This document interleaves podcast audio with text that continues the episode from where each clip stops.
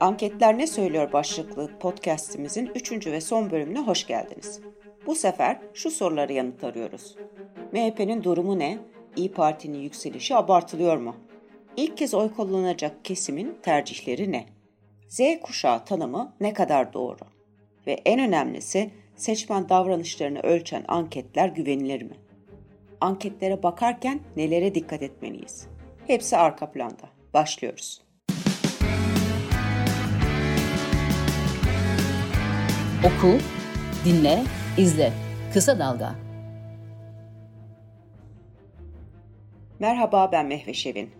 Anketler ne söylüyorun 3. bölümündesiniz. Deyim yerindeyse anket yağmuruna tutulduk. Bu anketler önemli birer bilgi kaynağı ancak bazı sonuçların fazla abartıldığını, yorumlayana göre değiştiğini hepimiz gözlemliyoruz. İlk iki bölümde daha ziyade AKP ve CHP seçmeni, kararsızlar ve Kürt seçmenlerle ilgili yapılan değerlendirmelere yer verdik. Şimdi bıraktığımız yerden devam edelim. Cumhur İttifakı'nın ortağı MHP oy kaybediyor mu? AKP'nin yaptırdığı araştırmada bile baraj altına çıkan MHP'nin seçmeni başka adres arıyor mu? Türkiye raporu direktörü Can Selçukyi, MHP'nin %7-9 arasında değişen kemik kitlesi olduğunu belirtiyor kemik kitlesi var tabii. Çok köklü bir hareket e, ve o kitle yani gidenler zaten İyi Parti'ye gitti açıkçası. E, kalanlar da orada. E, MHP baktığımızda tabii bir politika önerisiyle e, gündeme geldiğini görmüyoruz. Yani güvenlik ve e, beka dışında e, mesela bugün sorsanız MHP'nin ekonomiden sorumlu kurmayı e, genel başkan kimdir diye siyasetle çok ilgili kişiler bile söylemekte e, zorluk çekebilir e, örneğin. Ama Milliyetçi Hareket Partisi'nin bununla ilgili bir sorunu olmadığını ben e, anlıyorum. E, Milliyetçi Hareket Partisi'nin kendine e, biçtiği görev diyelim veya kendini başarılı sayma e, kriterleriyle e, oy oranı arasında e, çok bir bağlantı kurmadıklarını e, ben görüyorum. E, dolayısıyla hani o şeyde, e, o bantta e, MHP'nin oyları sabit bir şekilde duruyor ufak oynamalarla ortaklarınla sürdürdüğünüz sefaya son verip hizmet nasıl yapılırmış, ülke nasıl yönetilirmiş cümle aleme göstermeye geliyoruz. Bu cübe sistemin devri artık bitti. Sıkı dur Sayın Erdoğan. Başbakan geliyor. Evet anketlere bakarsanız İyi Parti ve lideri Meral Akşener son dönemde yükselişe geçti. Peki neden ve nasıl? Meral Akşener'in e, bir yükselişte olduğu doğru. Ee, bunu zaten BİM'de anketlerimize görüyoruz. Ben de katıldığım yayınlarda veya yazılarda bunu belirtiyorum. Meral Akşener'in bence e, yükselişte olmasının birkaç sebebi var. E, birincisi e, diğer muhalefet partilerinin e, birçoğunun yaşadığı e, kimlik ve aidiyet sorunları Sayın Akşener'de yok. E, o konularda tabiri caizse rüştünü ispat etmiş e, durumda. Bu muhafazakar seçmen için de öyle, milliyetçi seçmen için de öyle, Atatürkçü, laik seçmen için de öyle. Yani e, dolayısıyla hani e, Atatürkçü veya laik seçmen e, laikliğini, Atatürkçülüğünü sorgulamıyor. Muhafazakar seçmen de muhafazakarlığını sorgulamıyor. Böyle bir e, kimlik e, inşa etti e, ve bunu da kabul ettirdi. Bu birincisi. İkincisi e, Sayın Akşener şu anda Türkiye siyasetinde makulü temsil ediyor aslında. Yani oraya makulü temsil eden kişi e, olmaya e, gayret ediyor ve bunu da aslında e, hem e, konuşmalarıyla hem aldığı e, kararlarla bunu e, dile getiriyor. Örneğin bu başbakan olurum ben Cumhurbaşkanı adayı değilim e, çıkışı çok geniş bir muhalefet kesimini rahatlattı. Neden rahatlattı? Çünkü muhalefet şunu düşünüyordu. Ya bu muhalefet seçmen daha doğrusu yine bir araya gelemeyecek mi? Tarihi fırsat geldi elimize. İşte Cumhurbaşkanı Erdoğan'ı yenme şansımız var. Bunlar bir araya gelemeyecek mi diye böyle bir takım endişeler, korkular varken Meral Akşener çıktı ve muhalefetin makul aktörü olarak kendini oraya koydu. Dedi ki ben masayı bozmam, masanın devamı için kendi hayat şeyimden, kendi kazanımdan, potansiyel kazanımdan feragat ediyorum dedi ve çekildi. E, bakın kendisinden çok daha küçük e, oy oranlarına e, sahip parti liderlerinin hiçbiri bunu yapmadı. İyi Parti, Akşener'in lider kimliğinden öte Türkiye'nin farklı sorunlarına çözüm getirmekte inandırıcı olabilecek mi zaman gösterecek. Çok konuşulan bir başka seçmen kesimi ise ilk kez oy verecek olanlar. Siyasi partiler ve medya Haziran 2023'te ilk kez oy verecek 7 milyon insanı anlamaya, tanımaya çalışıyor. Ben Z kuşağındanım ve kendimi Z kuşağından hissediyorum. X kuşağı, Y kuşağı, Z kuşağı bu tamamen uydurma bir şeydir. Safsatadır. Teknoloji onların her şeyi ve teknoloji eşittir hız. Hız hayatlarının bir parçası, onlar da hızın bir parçası. 7 milyon genç 2023'te ilk defa oy kullanacak. Ortak ruhi şekillenmesini bilmezse bir siyasi parti ve buna göre politikalar geliştirmezse gitti 7 milyon.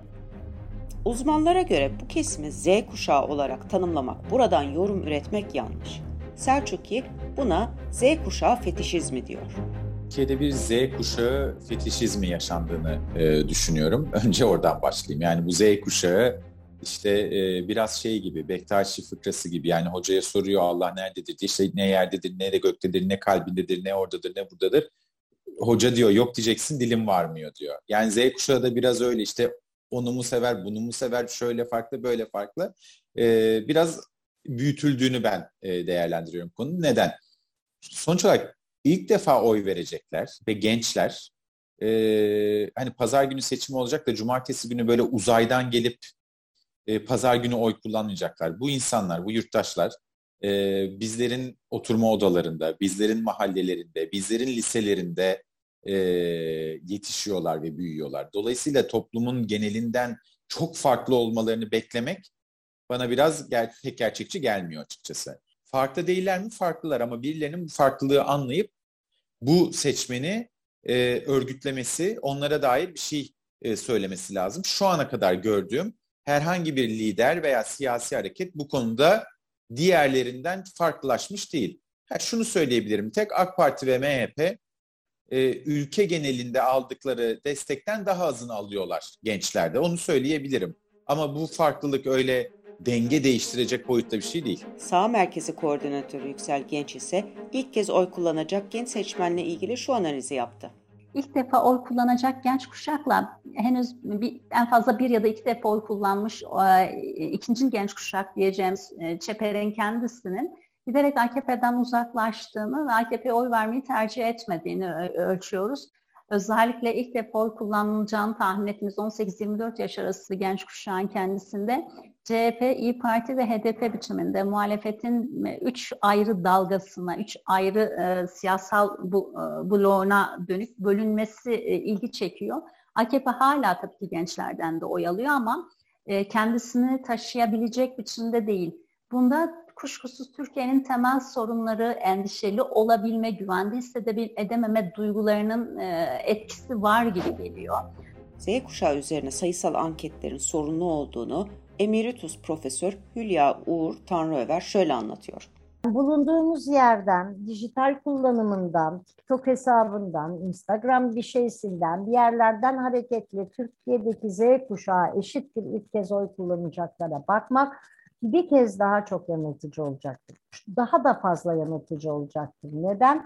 Orada da Bourdieu'nun bir lafına da gelmek istiyorum. Yani gençlik dediğim bir laftır. Yani daha doğrusu kimden bahsediyoruz? Mesela şimdilerde 20 yaşında olan bir insandan bahsediyoruz. Şimdilerde 20 yaşında olup 4 tane çocuğu olan 5.ye hamile kalmış bir sürü kadın tanıyorum ben. Bunlar ille de en dağ köyünde olmayabilirler. Siyaset ve medya sosyolojisi alanında çalışan Profesör Hülya Uğur Tanrıöver, 1985'te seçmen eğilimlerini ölçen ilk ciddi saha araştırmasında görev aldı. Halen Giresun Üniversitesi'ne ders veren Profesör Tanrıöver, kamuoyu araştırmalarının güvenirliğini sormak için en doğru kişi. Bu araştırmalara neden temkinli yaklaşmamız gerektiğini şöyle anlatıyor. Ee, aslında hem güvenilirler hem de bir yandan çok çok çok çekincelerle yaklaşmakta ben ciddi fayda görüyorum.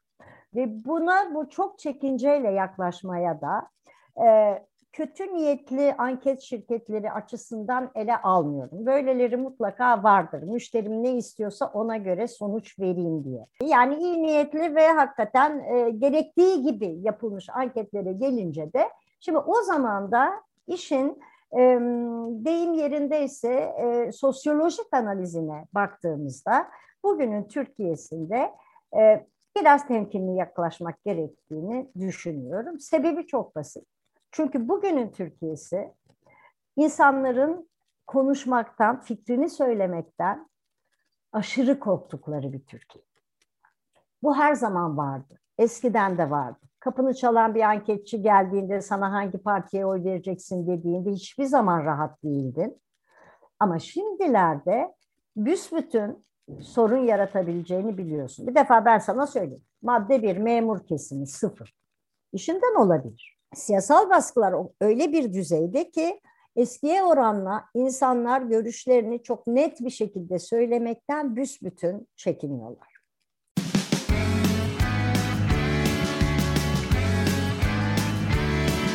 Kulağınız bizde olsun. Kısa Dalga Podcast. Aslına bakarsanız seçmen eğilimini daha iyi anlamak için başka göstergelere bakmak daha faydalı olabilir. Mesela hangi partiye asla oy vermezsiniz sorusu insanların daha rahat cevaplayabileceği bir soru. Tabi başka göstergelere de bakmak lazım. Son zamanlarda yapılan anketlerde seçmenlerin güven ve endişe durumu da soruluyor. Görünen o ki Türkiye toplumu hem kendini güvensiz hissediyor hem de geleceği açısından son derece endişeli. Yüksel Genç sağdaki son verileri şöyle değerlendirdi. Yaptığımız çalışmada da zaten e, her üç kişiden biri kendini güvende hissettiğini, üç kişiden birinden biraz fazlası kararsız olduğunu ama yine üç kişiden birine, birine yakını da e, güvende hissetmediğini söyledi. Bunlar önemli rakamlar aslına bakarsanız. Kararsızları da güvende hissetmek oysa çok net bir tarif. Eğer ben kararsızım diyorsam aslında güvende hissetmiyor demektir insanlar. Bunun da önemsenmesi gerektiğini düşünüyorum. Ee, bunu kaygılı olmak haliyle de birlikte okumak lazım. Geleceğe dönük kaygınız, endişeniz var mı e, sorusun, sorularına verilen yanıtlarla paralel okumak gerektiğini düşünüyorum. Birlikte okuduğumuzda ise Türkiye'de tedirgin bir toplumsallık, bir toplumsal yapının e, geliştiğini söylemek mümkün. Bir de anketlerin yapılma biçimi var. Mesela bir anket yüz yüze yapıldıysa bilin ki o daha güvenilir. Oysa günümüzde çoğu anket internet üzerinden veya telefonla yapılıyor. Profesör Tanrıöver özellikle internet anketlerinin neden sorunlu sonuçlar çıkarabileceğini şöyle aktarıyor. Bir, karşındakinin kim olduğunu bilmiyorsun. Sen bana yolladın. Ben de cevap veriyorum. Kaç yaşındasın? 20. Var mı itiraz eden? Yok. İspatlama şansın var mı? Yok. Ha peki insanlar bunu yapar mı? Herkes çok mu meraklı yalan söylemeye? Hayır, tabii ki yapmazlar. Ayrı bir şey. Ama kaymalar her zaman olabilir. Bir, ikincisi insanlar kendilerini dijital ortamda daha da rahatsız hissediyorlar. Kapıyı çalandan bile daha rahatsız hissediyorlar. Çünkü hepimiz biliyoruz ki abidik gubidik bir tweetin bile peşine düşüp hani e, gerektiğinde neler oluyor. İnternet ve telefonla yapılan anketlerin bir başka sorunu da sadece cevap vermeye gönüllü insanlardan oluşması. Düşünün telefon çaldı, birisi anket yapıyor. Siz buna gönüllü olur musunuz? Ne kadar gönüllü olursunuz? Evdeki diğerlerinden mesela cevap vermeyenler kimler? Bu da seçmen kitlesi temsilini zedeliyor. İkinci önemli bir nokta ise anketler için katılımcıların nasıl seçildiği. Ve bildiğimiz bir konu. Bunun ideali tam tesadüfi örnekleme yöntemidir ki şimdi dijital ortamda bu aslında mümkün. Ama tam tesadüfi örnekleme yöntemi şudur. Ben bütün seçmeni temsil etmek üzere 2000 kişi seçtim. Bu 2000 kişiden biri Hülya Hanım. Yani 65 yaş üstü, doktoralı. Ee, işte baktığın zaman e, şey e, işte beyaz yakalı akademisyen vesaire. Geçtiğimiz partide de A partisine oy vermiş yani her neyse. E Hülya'ya geldin dedin ki işte anket yapacağım ya özür dilerim hiç işim olmaz başkasına gidin. Eğer Hülya'nın yerine aynı yaşta, aynı statüde herhangi bir Ayşe'yi Fatma'yı, hele de Mehmet Hüseyin'i yani kaldı ki birebir aynısını bile bulsan birebir aynısını bulabilir misin? Bulamazsın. Dolayısıyla normalde e, kabul etmeyen kişinin yerine başka birini koyamaman lazım. Biliyorum ki hızlıca anket yapıp sonuçlarını hızlıca verme adına bu çok önemli istatistik kuralların bir bölümüne uyulmuyor. İnternet anketlerinde yani dijital erişim, dijital aygıtlara erişim e, çok ciddi uçurumlar, e, bu erişimde uçurumlar var. Yani dijital uçurum dediğimiz şey böyle bir şey yani. Tam da 65 yaş artı bir kadın olarak Hülya yerine Ayşe'yi e, koysan tamam belki e, gerçekten akademisyense bir şeyse kullanıyordur bunları. Ama memlekette belli kesimler var ki hayatlarında bu dijital ortama girme ihtimalleri bile yok. İnternetleri yok, hayatlarında kullanmamışlar.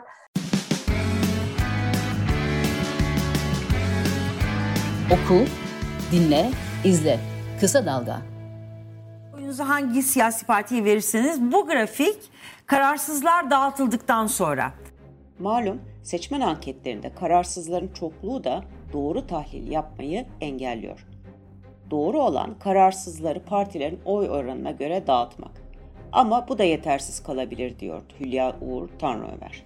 Her parti kendi oranında biraz daha yükselir ki o kararsızları bilmiyoruz biz nereye oy vereceklerini. Hakikaten kararsızlar mı? Mesela bana sorarsan demin aktardığım sosyolojik nedenlerden dolayı onların önemli bir bölümü kararsız falan değil. Gayet kararlılar ama kararlarını söylemek istemiyorlar. Peki bir araştırma şirketinin güvenilir olup olmadığını nasıl anlayacağız? Mesela Türkiye Araştırmacılar Derneği'nin üyesi mi? Uluslararası kuruluşlara üyeliği var mı? Buna bakabilirsiniz. Geçtiğimiz dönemde ne yapmış? Ne kadar yanılmış? Siyasi partilerle organik bağı var mı? Finansmanı nereden sağlıyor? Örneklemi yani katılımcıları nasıl seçmiş? Türkiye'deki farklı cinsiyet, sınıf, etnik kökenleri, farklı bölgeleri yansıtıyor mu? Bunları bir kenara koyalım. Hülya Hoca'nın dikkat çektiği bir başka husus da partilerdeki 1-2 puanlık oynamalar. Ama biliyoruz ki e, bir defa eğer potalı bir örnekleme yapılıyorsa yani tam tesadüfi en başta dediğim gibi en doğrusu olması gereken örnekleme yapılmıyorsa eğer zaten aslında hata payı tam anlamıyla hesaplanamaz. Yani istatistik bilimi bize bunu söyler. Çoğu zaman yapılan anketleri artı eksi yüzde iki gibi bir hata payları oluyor. Kimilerinde yüzde üç, kimilerinde yüzde bir nokta sekiz. Ve bu o kadar önemli ki çünkü yani sen e, atıyorum e, Millet İttifakı e, adayı e, yüzde 32 e, oy alacak dediğinde e, yani sonuçta bu 30 da olabilir, 34 de olabilir. Ama daha önemlisi hadi bu kadar yüksek bir oranda bir küçük partiye git. Yani değil mi baraj konuşuluyor, bir şey yapılıyor. Yeni kurulan partiler ittifaka ne derece katkısı olacak olmayacak yani işte diyelim ki bir Deva Partisi'ne yüzde dört veriyorsan yani o yüzde altı da olabilir, yüzde iki de olabilir. E yüzde altı önemli bir şeydir. E yüzde iki daha ihmal edilebilir bir şeydir. Yani dolayısıyla ben bazen görüyorum ekranlarda geçen seferden bu sefere anketlerde acayip değişiklik ne oldu? CHP yüzde bir buçuk puan arttı. Ya ağzınızı yoruyorsunuz. Yani CHP'nin yüzde bir buçuk puan artması haber değeri bile yoktur. Hele de konuşmaya hiç gerek yoktur. Çünkü hata payı içindedir yani en iyi ihtimalle. Aynı da kalmış olabilir. 3 puan da artmış olabilir. Velhasıl seçim anketlerini değerlendirirken lütfen kesin sonuçlara varmayın. Bazen medya bunu yapıyor, bunda yanılmayın. Profesör Tanrıöver'in uyarılarını aklınızda bulundurun. Son olarak siyasetin sahada belirlendiğini masa başında yapılan tahlillerle seçmen davranışın tam olarak tahmin edemeyeceğimizi unutmayın. Evet, anketler ne söylüyor serisinin sonuna geldik. Fikrimizi, tercihimizi söylemekten çekinmeyeceğimiz günlere kavuşmak umuduyla hoşçakalın. Kısa Dalga podcastleri Demet Bilge Erkasab'ın editörlüğünde Mehmet Özgür Candan'ın post prodüksiyonu ve Esra Baydemir'in hazırladığı görseller ile yayınlanıyor. Kısa Dalga'ya destek vermek için Patreon sayfamızı ziyaret edebilirsiniz.